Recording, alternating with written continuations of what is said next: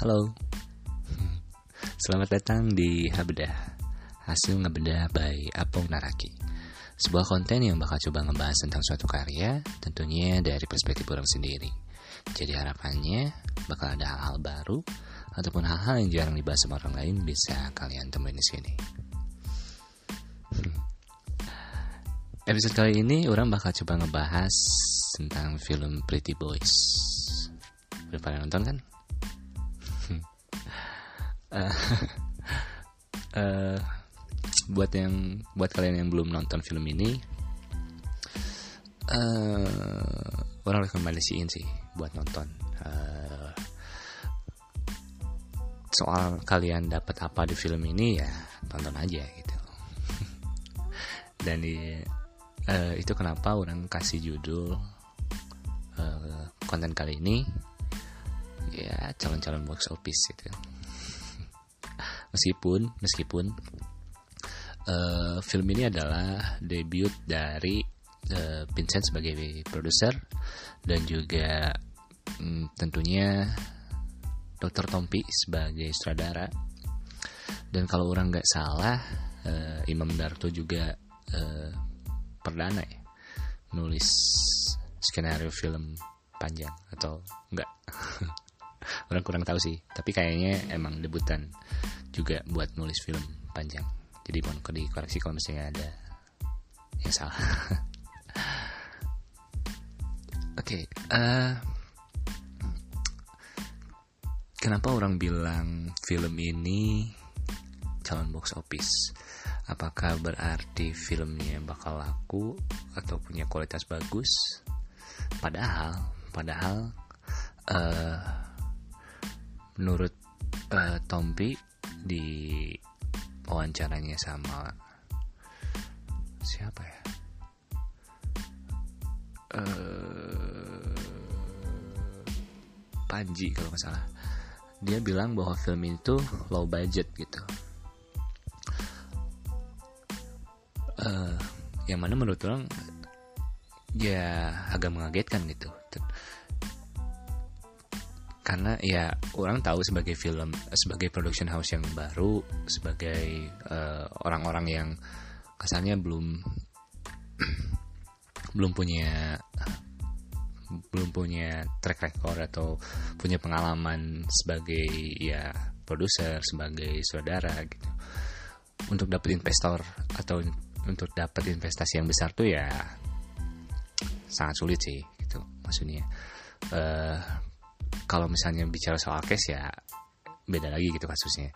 Karena ya mereka uh, tidak dipertemukan dengan resiko investasi atau modal dan segala macamnya gitu.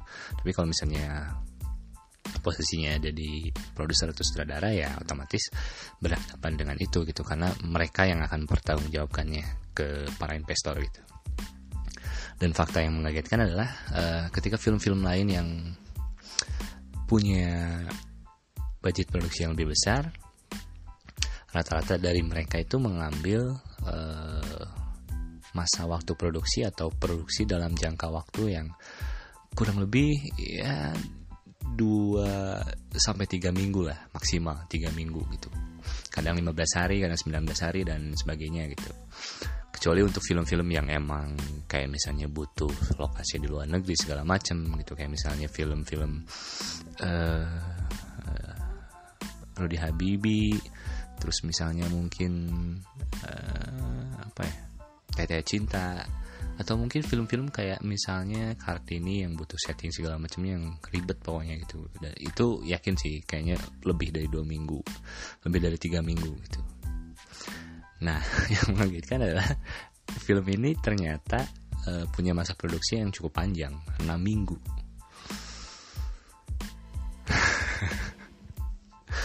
bikin kaget sih, bener-bener bikin kaget gitu. Uh, selain karena masalah dana tentu aja gitu, butuh modal produksi yang sangat tinggi, terutama dari misalnya sewa peralatan, kemudian juga uh, ya bayar talent segala macam, bayar kru segala macam kan hitung hitungannya mungkin pasti bakal per hari gitu. Kecuali kalau emang kontraknya emang dibikin ya ada kasus tertentu gitu misalnya uh, karena dia tertarik sama film ini uh, jadi dia mau membayar uh, atau dibayar atau dia kesannya uh, memberikan standar yang beda gitu. Karena misalnya tertarik apa karena dia teman atau kayak gimana gimana. Sering sih terjadi. Kayak misalnya uh, film apa ya? Film film Gundala segitu banyaknya aktor terkenal. Tapi ya soal hmm, budget ternyata ya unik juga gitu. Katanya film ini uh, film Gundala. Kok jadi film Gundala ya? Nggak apa-apa uh, film Gundala juga punya uh, budget produksi yang tidak terlalu besar dibandingkan film-film yang lain tapi hasilnya maksimal dan film ini juga ya kurang lebih sama sih. Kayak orang nggak tahu persisnya angka berapa karena uh, untuk film-film Indonesia tuh sebenarnya susah sih nyari nyari informasi berapa persisnya dana yang dikeluarkan untuk produksi film itu kecuali kalau emang sengaja dibuka di media kayak misalnya dulu warkop dan lain sebagainya lah gitu. Uh, tapi untuk secara spesifik nyari datanya ya susah sih. Dan balik lagi soal produksi 6 minggu tadi ya hmm, halangan utamanya ya selain karena budget tentu aja ya jadwal juga sih.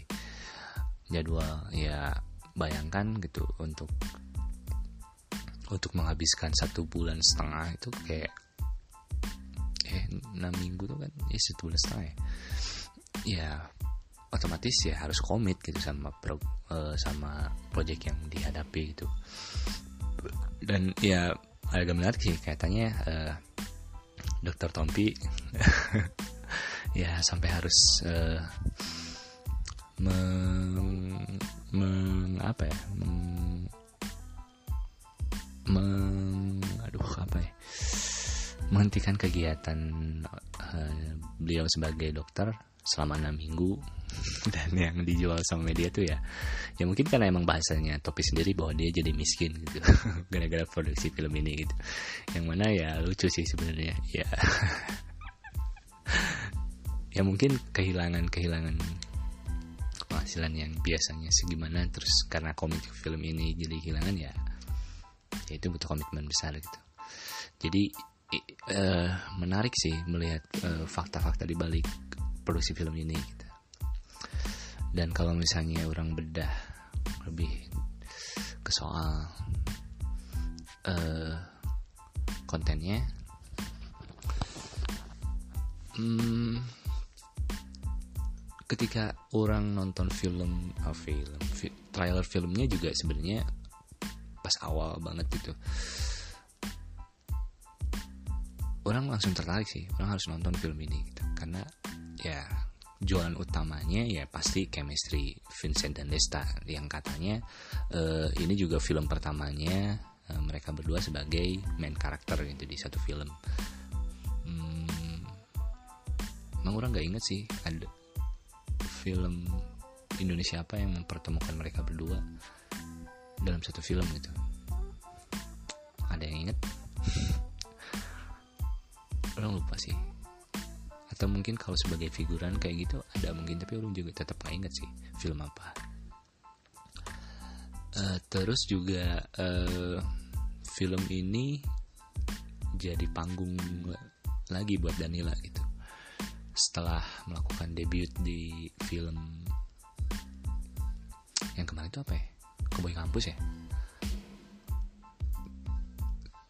orang nggak nonton sih film itu jadi nggak bisa compare uh, gimana pertumbuhan, bagaimana proses uh, Danila saat berakting gitu di film Keboy Kampus sama di film ini. Tapi di film ini ya cukup menarik perhatian gitu. Maksudnya uh, ketika di trialnya pun, uh ya Danila jadi jadi nilai jual gitu. Dan sedikit fakta juga bahwa uh, ya Fran ini hampir-hampir tidak didapatkan atau tidak diperankan oleh sama Danila gitu. Karakter asli ini uh, sempat dicastingkan juga untuk beberapa beberapa aktris. Tapi ya karena sang produser itu Desta maksa buat jadi Danela yang dapetin dapetin peran itu ya akhirnya Danila yang dapat gitu. Walaupun nggak nggak karena unsur politisme kasarnya bukan karena produser ngedesak kayak gitu. Tentu dokter Tompi juga pertimbang punya pertimbangan gitu. Uh, setelah riset segala macam dan akhirnya ya emang cocok gitu. kurang nggak kebayang sih uh, kalau film ini ya nggak dimainin sama uh, Danila apakah storynya akan tetap jalan atau chemistry yang didapatnya akan tetap jalan gitu. Karena ya cocok sih cocok banget itu filmnya. Uh, dari aspek gambar film ini sebenarnya ya cantik sih. Apalagi dengan uh, eh, DOP-nya yang punya background bukan dari film gitu. Doi katanya backgroundnya adalah videographer wedding dan beberapa kali uh, bikin video klipnya Dr. Tompi. Dan mungkin yang dibutuhin ya emang emang chemistry gitu sih. Karena udah kuat udah percaya dan segala macamnya. Jadi doi berani ngambil resiko gitu buat uh, memperkerjakan DOP-nya ini. Orang lupa namanya siapa? Maafkan agak sulit sebenarnya mengingat nama belakangan ini karena ya terlalu banyak yang di yang diingat. Harus diingat. Maafkan. Terus ya dokter Tombi juga punya punya punya mata yang bagus gitu. Maksudnya dia kan punya hobi fotografer dan mungkin ya jadi jadi pekerjaannya juga gitu. Jadi ya secara tes emang bagus gitu. Tapi yang jadi kendala adalah hmm, karena mungkin itu tadi backgroundnya bukan dari film menurut orang pribadi sih ada beberapa scene yang uh, ya bukan bukan bukan style film gitu. Maksudnya kayak kayak orang pribadi ngerasa kurang nyaman sih. Walaupun ya beberapa scene yang lain atau hmm, ya cantik emang gitu cantik. Jadi jadi bagus looknya. Tapi ada beberapa scene yang yang menurut orang terlihat aneh sih. Yang paling ulang orang ingat batu kayak pas si Vincent atau si di sini si Anugrah nelfon deket jajaran lampu lampu apa ya lampu tidur kayak gitu kan kayak ada tiga di situ terus kayak komposisinya kok aneh banget gitu terus uh, orang juga nggak terlalu nangkap uh, moodnya kayak gimana sih karena komparasi uh, bukan komparasi eh, rasio antara si uh, Vincent gambar si karakter dengan latar itu kayak kok malah gedean si ininya gitu si si lampunya gitu. Aneh sih. Apakah itu ingin menggambarkan bahwa dia merasa tertekan kayak merasa kecil banget gitu? Tapi kalau misalnya dikomparasikan sama lampu kayak aneh sih. Maksudnya kan biasanya kalau misalnya si karakter ingin digambarkan merasa tertekan merasa terbatasi segala macam biasanya ditempatkan di satu di satu scene yang secara secara uh, secara looksnya tuh ada di di kotakin gitu. Kayak misalnya uh, entah di antara ruang pintu atau misalnya di di hmm, uh, impitan rak buku segala macam. Pokoknya ya dia dalam scene itu dalam posisi kotak gitu. Nah, kalau itu uh, agak aneh sih. Terus uh, scene di kereta juga uh, di pas pas apa ya pas si Tora sama Vincent ngobrol tuh kayak uh, hmm, kegedean sih. Ya beberapa be, be, banyaknya ada beberapa scene yang uh, medium shotnya uh, kayak kayak nonton nonton nonton apa ya nonton di di HP gitu kayak kok uh, uh, gak keambil semua gitu kayak kayak kayak kayak kayak kepotong gitu sih. Maksudnya uh, feelnya kayak ngerasa sempit sih kalau orang pribadi gitu. Dan uh, soal warna juga nggak begitu terlalu dominan sih. Kayaknya uh, tidak memakai tema uh, ton secara secara apa ya? Secara jelas gitu. Kayak misalnya uh, secara keseluruhan temanya warnanya adalah biru untuk sendu segala macam kayak gitu-gitu. Di sini tuh nggak terlalu dominan sih kayak, cuman orang yang paling inget itu ketika uh, Danila uh, atau si Asti mm, memergoki si si Rahmat atau si Vincent uh, lagi berkhianat lah intinya gitu. Uh, mengkhianati dia gitu. Kayak di belakangnya tuh kayak uh, pakai lampu merah terus dia diam di tengah. Dan kalau di trailernya sih ada orang mondar mandir kayak gitu tapi kayaknya kalau di film nggak uh, jadi dipakai deh. Atau kurang nggak notice sih. Tapi menurut orang kalau misalnya adegan yang orang mondar mandir kayak gitu dipakai itu bukan jadi lebih bagus sih dibanding dia berdiri sendirian terus ya kameranya jauh dan segala macam. Dan menurut orang pakai warna merah di adegan itu tuh pas nggak pas sih. Oke okay, uh, eh, misalnya moodnya angry uh, uh, emosi terus kemudian cemburu tapi uh,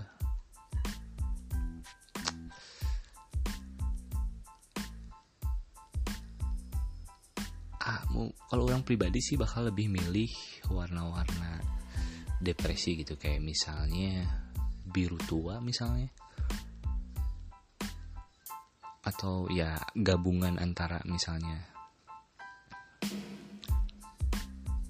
ungu bisa jadi sih buat buat karena di sini tuh bukan bukan bukan kalau orang pribadi sih nangkepnya bukan bukan ingin mengarahkan si penonton supaya buat marah gitu tapi kayak patah hati banget gitu kayak tuh gitu. Dan ya yang dipilih ya bukan orang bukan orang merasa lebih tahu atau gimana sih tapi itu uh, pri, uh, opini opini orang gitu. Ya maksudnya kalau orang uh, pengen sih kayak gitu. Terus apa lagi uh, terus ini sih uh, masalah setting waktu gitu. Uh, masih berhubungan dengan gambar. Jadi gambar yang ditampilin ini tuh sebenarnya ambigu gitu. Karena tidak mewakili uh, setting tahun berapa gitu. Di satu sisi ini melihatkan atau memperlihatkan era di tahun sekitar ya 92 ribuan awal kayak gitu. Karena ya looksnya agak-agak jadul gitu. Tapi di ceritanya ada smartphone ada internet segala macam gitu. Kayak sebenarnya agak kontradiktif sih. Kayak kayak gak nyambung gitu. Mungkin uh, karena nggak ada kejelasan tahun itu tahun berapa gitu karena kalau misalnya itu bercerita tentang hari ini kayaknya nggak nggak terlalu relevan sih sebenarnya. Kayak gitu uh, apalagi ya? Kalau soal gambar hmm, tapi ya secara keseluruhan secara gambar nggak ada yang mengganggu banget sih sebetulnya. Ya enak nyaman gitu buat ditonton dan ya banyak setting yang dibuat emang keren gitu. Dan ya di sini Tompi mem, mem, me, memperhatikan detail-detail kecil gitu. Kayak misalnya wardrobe-nya eh, nggak eh, selalu baru terus kemudian make up-nya juga. Orang nggak orang baru nge sih kayak sebenarnya make upnya uh, natural banget gitu. Kayak ya di situasi ter tersebut gitu. Mana yang kelihatan make up mana yang kelihatan enggak gitu. Maksudnya kadang-kadang di film kita ya emang pokoknya setiap scene ya harus cantik gitu. Walaupun secara rasional nggak nggak nggak make sense gitu. Masa uh, misalnya uh, di rumah make upan atau lagi santai kayak gitu make upan tuh bangun tidur segala macamnya kemudian bajunya kelihatan baru segala macam dan ini tuh diperhatikan banget gitu sama Tompi. Yang mana ya keren sih. Terus masuk ke aspek suara hmm, segi musik sih yang paling menonjol keren karena uh, ya mungkin mereka musisi ya yang pasti gitu. Jadi pasti pasti pasti bakal pasti bakal menonjol sih soal soundtrack gitu. Uh,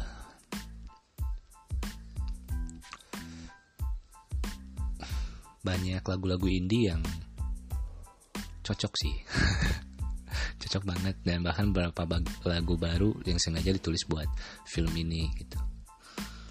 Ya harusnya kayak gitu sih. Harusnya setiap film punya punya lagunya masing-masing punya uh, lagu yang sesuai dengan filmnya. Ya uh, emang emang jarang sih pakai lagu lama. Tapi ya kadang ada yang sesuai ada yang jadi fenomena ada yang jatuhnya biasa aja gitu. Uh, kalau dari segi soundtrack. Tapi uh, ada beberapa scene yang pas si Danila di mana ya? Orang lupa. Pokoknya no, di kosan atau di di restoran ya ada beberapa yang volumenya kayak tiba-tiba lost gitu kayak tiba-tiba kenceng. Kayaknya cuma satu atau dua scene doang sih yang kayaknya eh, nggak uh, seimbang gitu si balancingnya. Jadi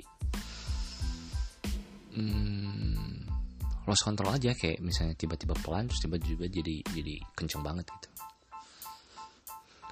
Entah satu atau dua sebenarnya minor minor sih. Karena secara keseluruhan uh, ya bagus sih. Maksudnya kejaga terus uh, gak kerasa nempel. Ya nggak ada masalah sih. Bagus. Secara aspek suara gitu. Keren keren keren. Orang nggak tahu sih uh, suaranya siapa. Orang lupa. Tapi ya keren. Nah masuk ke aspek cerita. Hmm, sebenarnya film ini menarik karena diambil dari keresahan banyak orang gitu. Jadi bakal bakal banyak lah yang relate sama sama uh, film ini gitu. Cerita utamanya adalah uh, tentang dunia pertelevisian gitu. Uh, kalau misalnya dibalikin ke ceritanya jadi tentang seorang pemuda dari desa yang ingin sukses di Jakarta gitu mengejar impiannya di Jakarta. Dan ya Jakarta dengan segala uh, kepahitannya uh, tetap menawarkan janji manis gitu. Maksudnya uh, untuk saat ini kan Jakarta masih bisa dibilang sebagai pusat industri apa pun gitu entah film musik segala macamnya. Jadi kayaknya uh, entah siapa pun yang nonton ini akan sangat relate dengan karakternya gitu. Kemudian uh, motivasi karakternya si Anugrah juga uh, ternyata punya personal konflik sama bapaknya gitu. Dan yang menurut orang sih kayak itu juga bakal relate gitu untuk untuk semua anak laki-laki gitu. Ketika hmm, dia beranjak dewasa kemudian memilih karir ya yang pasti ingin membayar, ingin membanggakan uh, ayahnya gitu. Dan ya di sini tuh kayak uh, sebenarnya di awal chemistry bagus sih. Kayak uh, ada ada sedikit kikuk ada sedikit ada sedikit jarak. Karena ya emang kayak gitu sih. Ketika si anak merasa bahwa dia belum bisa uh, memenuhi ekspektasi ayahnya ya kalau buat orang pribadi sih itu itu yang dia rasakan gitu. Uh, terus uh, konflik segitiga percintaan teman dan kecengan gitu. Yang satu uh, ketika ceweknya suka sama ketika Asti suka sama Vincent tapi Vincent ngerasa dirinya nggak pantas terus nggak mau maju gitu terus temennya yang ya, ya nggak lebih mikirin apa pun ya pokoknya maju aja gitu buat dapetin ST ya. Kayak gitu akhirnya dia yang dapat tapi sayangnya uh, karakter Danila ini kurang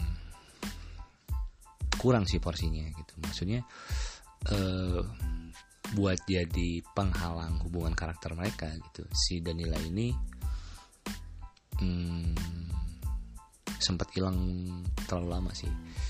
Kayak di awal tuh setupnya bagus ketika mereka uh, masih berada di restoran jadi pekerja restoran segala macam kemudian pas uh, di dunia karir entertainment eh, pas masuk dunia dunia apa sih reality show itu kayak langsung tiba-tiba putus kontak dan segala macamnya. Padahal uh, seingat orang sih terakhir pas sebelum mereka keluar dari restoran itu tuh dia bilang si Danilanya bilang Astinya bilang bahwa kalau misalnya nanti masuk TV uh, eh, lu jangan lupain gua ya gitu. Kayak kamu jangan jangan sampai lupa sama aku gitu. Kayak misalnya kayak gitu. Dan buat orang yang suka atau punya perasaan sama perempuan kayaknya nggak mungkin langsung lupa kayak gitu. Toh mereka juga nggak bisa sejarak secara kayak misalnya uh, pindah kota atau segala macam gitu. Harusnya sih mereka harus tetap punya hubungan gitu. Tapi entah kenapa atau mungkin karena emang pengen fokus ke karakter dua ini kayak Vincent dan Desta jadi tiba-tiba uh, Danila lenyap gitu. Dan beberapa saat kemudian tiba-tiba si Rahmat udah datang dengan Danila sih. Ya sebenarnya uh, masalah nggak masalah sih. Karena ya apa ya uh, cerita yang ini bawa ya emang kayak gitu. Tiba-tiba uh, Rahmat datang dengan Danila dan hubungan mereka jadi jadi lebih dekat gitu. Pada ya di situ kayak si si Danila juga masih masih effort buat menyatakan bahwa uh, apa ya gue siap lo nerima lo gitu. Maksudnya ke si si Vincentnya bahwa si Danila tahu bahwa dia suka sama bahwa si Vincent suka sama dia gitu. Dan dia udah udah ngasih ngasih isyarat segala macam dan ya ya mungkin emang kayak gitu kali ya. Cowok dikasih kode dan nggak nangkep segala macam gitu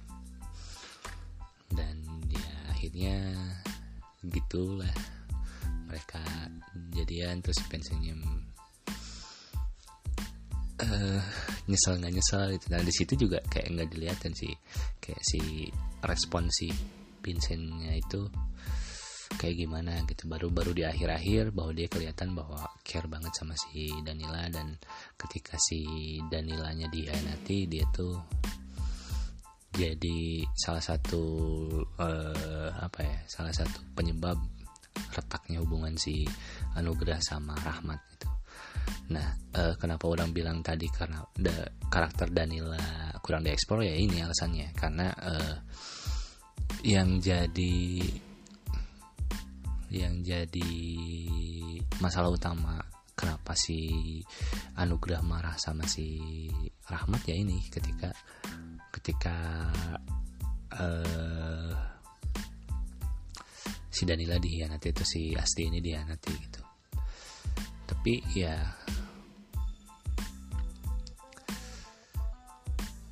orang lupa sih uh, sebelumnya kan uh, alasan kenapa ketemu sama si Tora tuh apa ya? Si Vincent atau si Anugerah ini tertekan soal apa gitu orang lupa. Uh,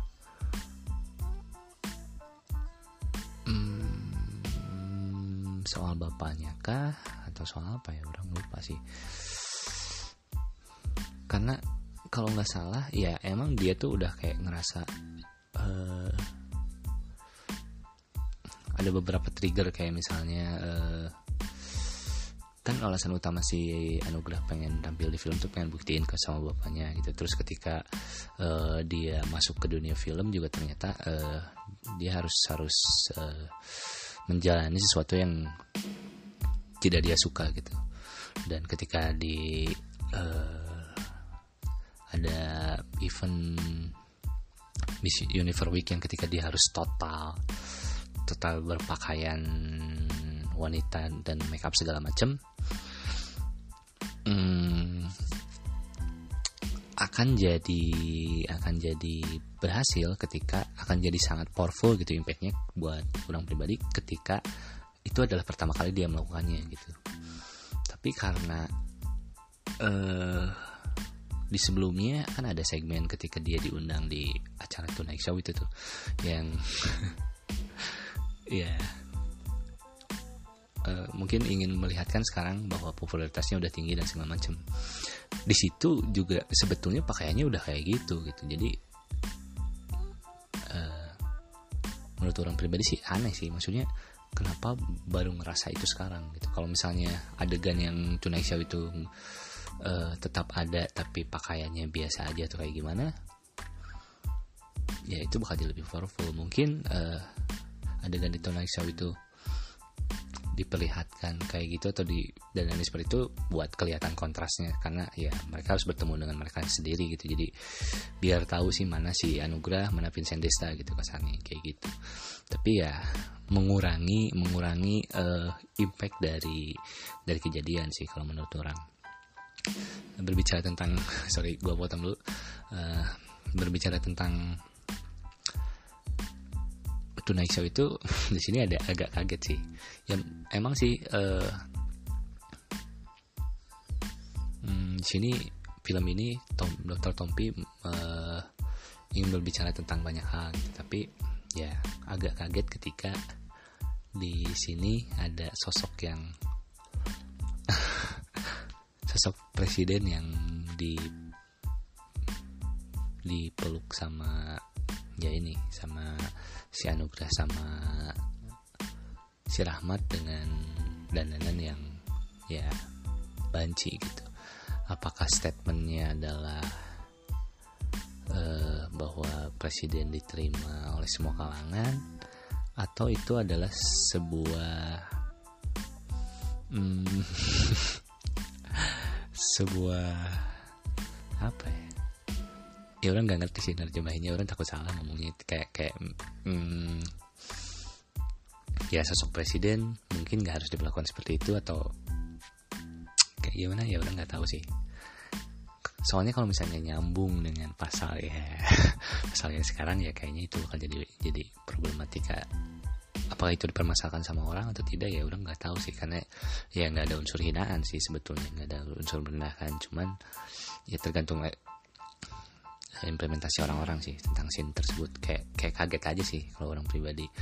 E, mungkin kalau misalnya scene atau adegan kayak gitu di Amerika sih ya ya wajar lah gitu. Maksudnya udah udah jadi rahasia umum ketika orang orang-orang membahas tentang presiden membahas tentang personal ya. Dan nggak nggak ini sih. Maksudnya buat lucu-lucuan dan buat kritikan kayaknya kayak terlalu masif ini. Tapi kalau misalnya sekarang di Indonesia kasusnya dan itu dilakukan sama presiden.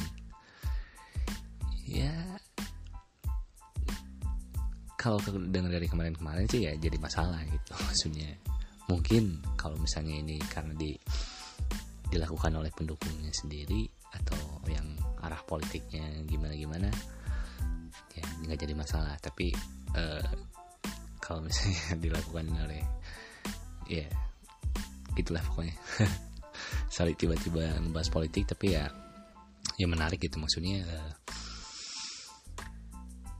film ini disebut uh, ringan juga enggak sih soalnya kayak gitu ya. Kayak kayak tadi misalnya ada urus unsur politik kemudian uh, bagaimana kehidupan Jakarta uh, dan ya uh, ada ada hmm, cerita di balik di balik dunia pertelevisian kayak misalnya penonton bayaran segala macam gitu terus ada praktek kotor segala macam gitu. Ya itu sih menariknya gitu. Dan itu keberhasilan keberhasilan tim Pretty Boys. Entah itu dari produsernya mangkap cerita kemudian uh, sutradaranya kemudian penulis skripnya menangkap apa yang jadi potret di dari Indonesia gitu. Uh, dan yang paling salut ya komedinya bekerja sih. Ketika bikin film komedi itu mungkin uh, hal dasar yang paling harus ada adalah kesamaan referensi gitu. Dan film ini berhasil uh, dengan formula itu gitu maksudnya jokes jokesnya terasa dekat sama semua orang. Cerita yang di uh, ditampilkan terasa dekat sama orang. Dan nah, ya kita tahu lah chemistry Vincent Desa tuh kayak gimana. Jadi ya berhasil banget sih. Hampir dari dari keseluruhan. Awal sampai ke babak ketiga atau terakhir-terakhir ketika udah mulai konflik tuh itu ketawa terus gitu. Enak gitu menyenangkan dapat ditonton. Tapi sayangnya nah ini nih uh, ketika masuk momen puncak momen yang harusnya harusnya buat kita deep banget gitu kayak uh, nangis segala macam tuh agak patah sih menurut orang. Karena kalau misalnya orang boleh berpendapat kekurangan dokter Tompi uh, sebagai sutradara sekarang gitu adalah uh, memaksimalkan acting pemain gitu. Beberapa scene atau secara garis besar sebetulnya uh,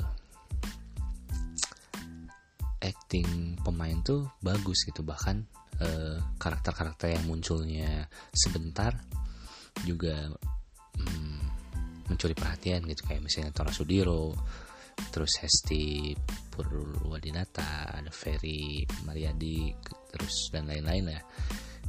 Uh, Onad misalnya Onad sih yang paling menarik perhatian orang uh, bisa se, se segitunya gitu. Tapi ya kayak Vincent uh, stabil banget dari awal sampai akhir tapi ketika pas hmm, momen akhir kurang sih. Uh, kalau Desta Desta hmm, gimana ya?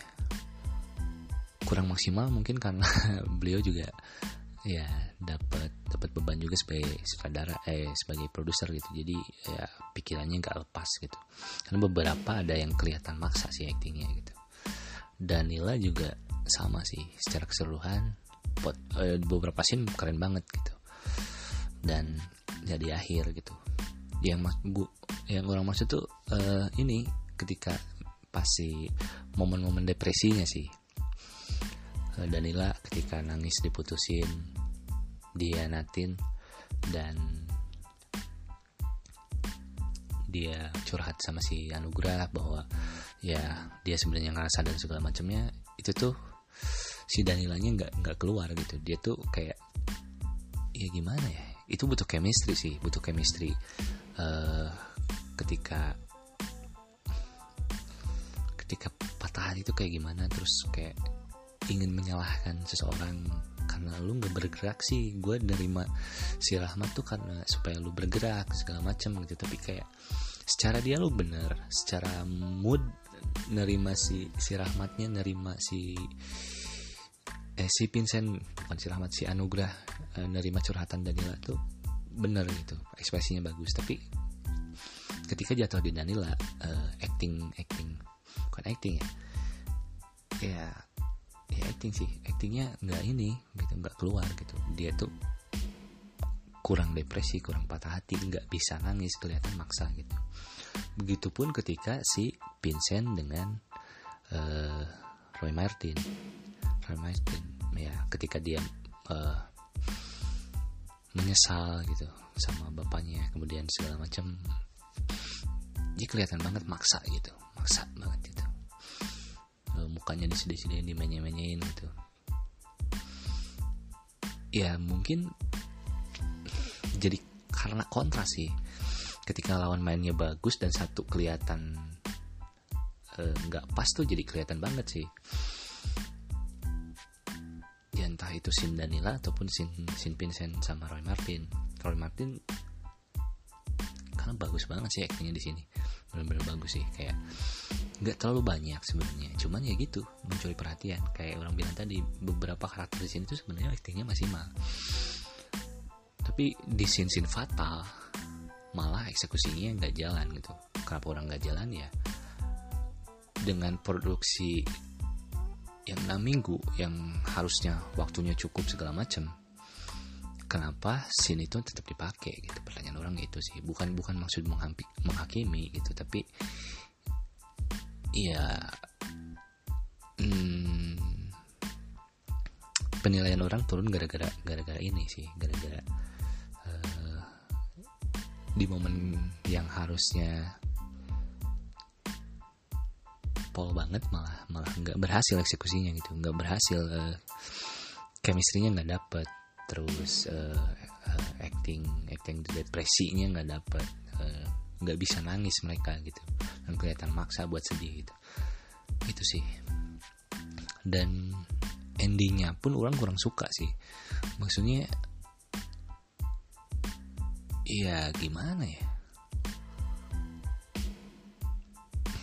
Kayak masih oke okay ketika uh, mereka bercoba berdamai gitu kemudian segala macam. Tapi ketika mereka bikin YouTube ya kayak ya udahlah gitu kayak udah nggak penting sih sebenarnya walaupun itu mungkin ingin memotret realitas sekarang gitu. Dan secara keseluruhan banyak cerita yang nggak utuh gitu.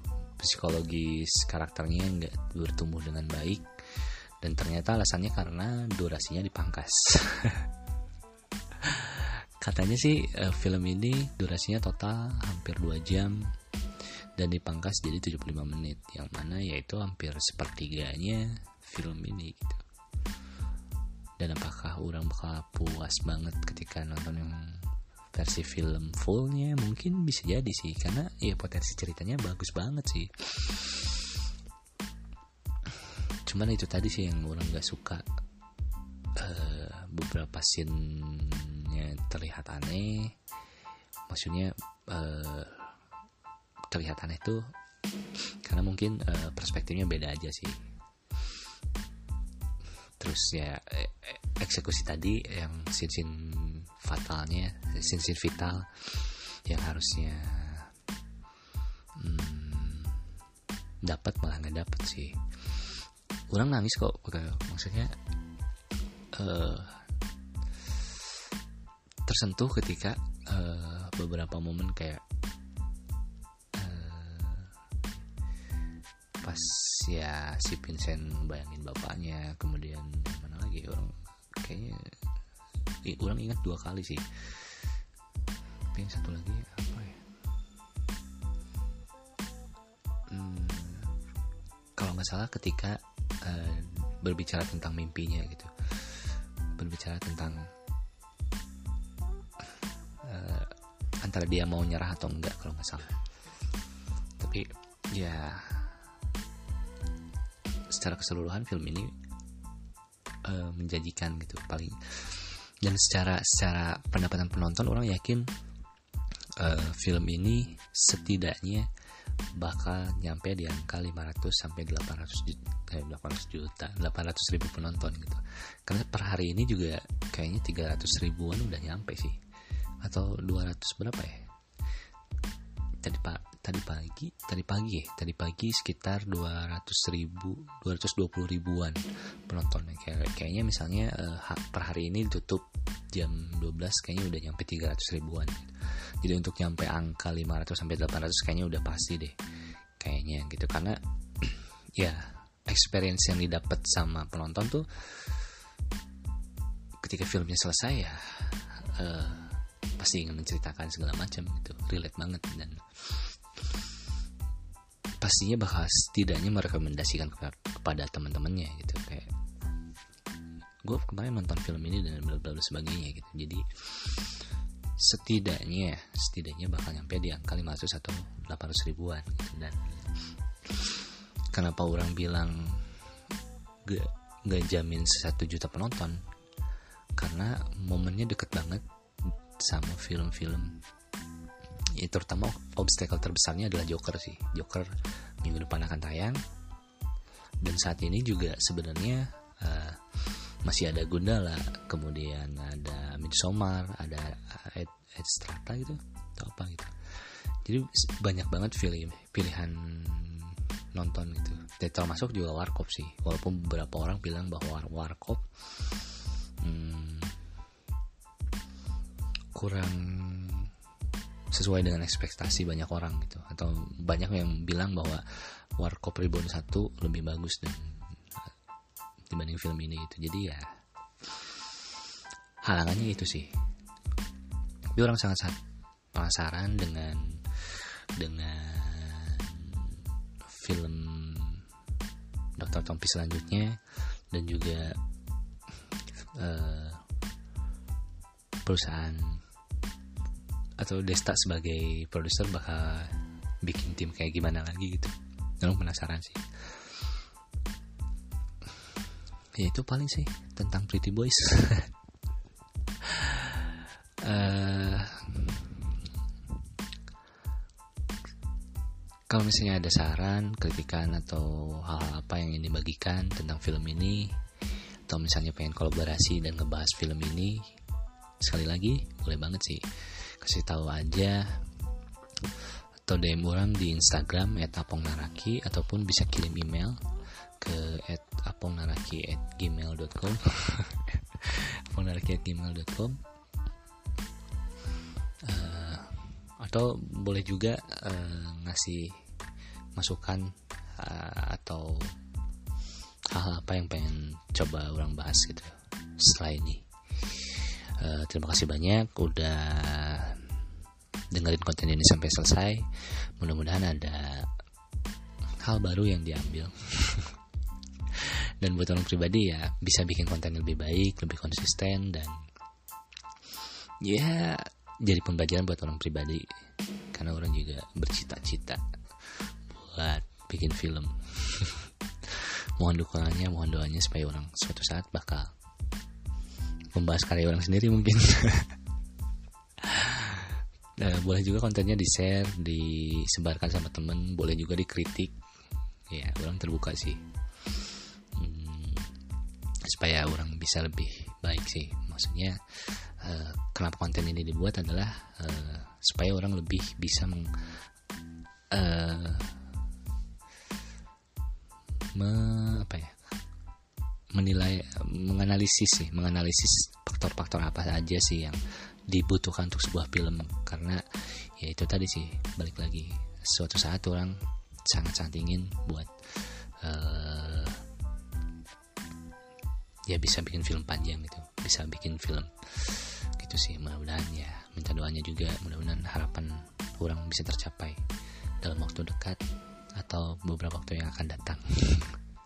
Oh ya satu satu fakta uh, tambahan. Bahwa ternyata uh, bikin film adalah uh, cita-cita dari Dr. Tompi gitu. Yang mana sebetulnya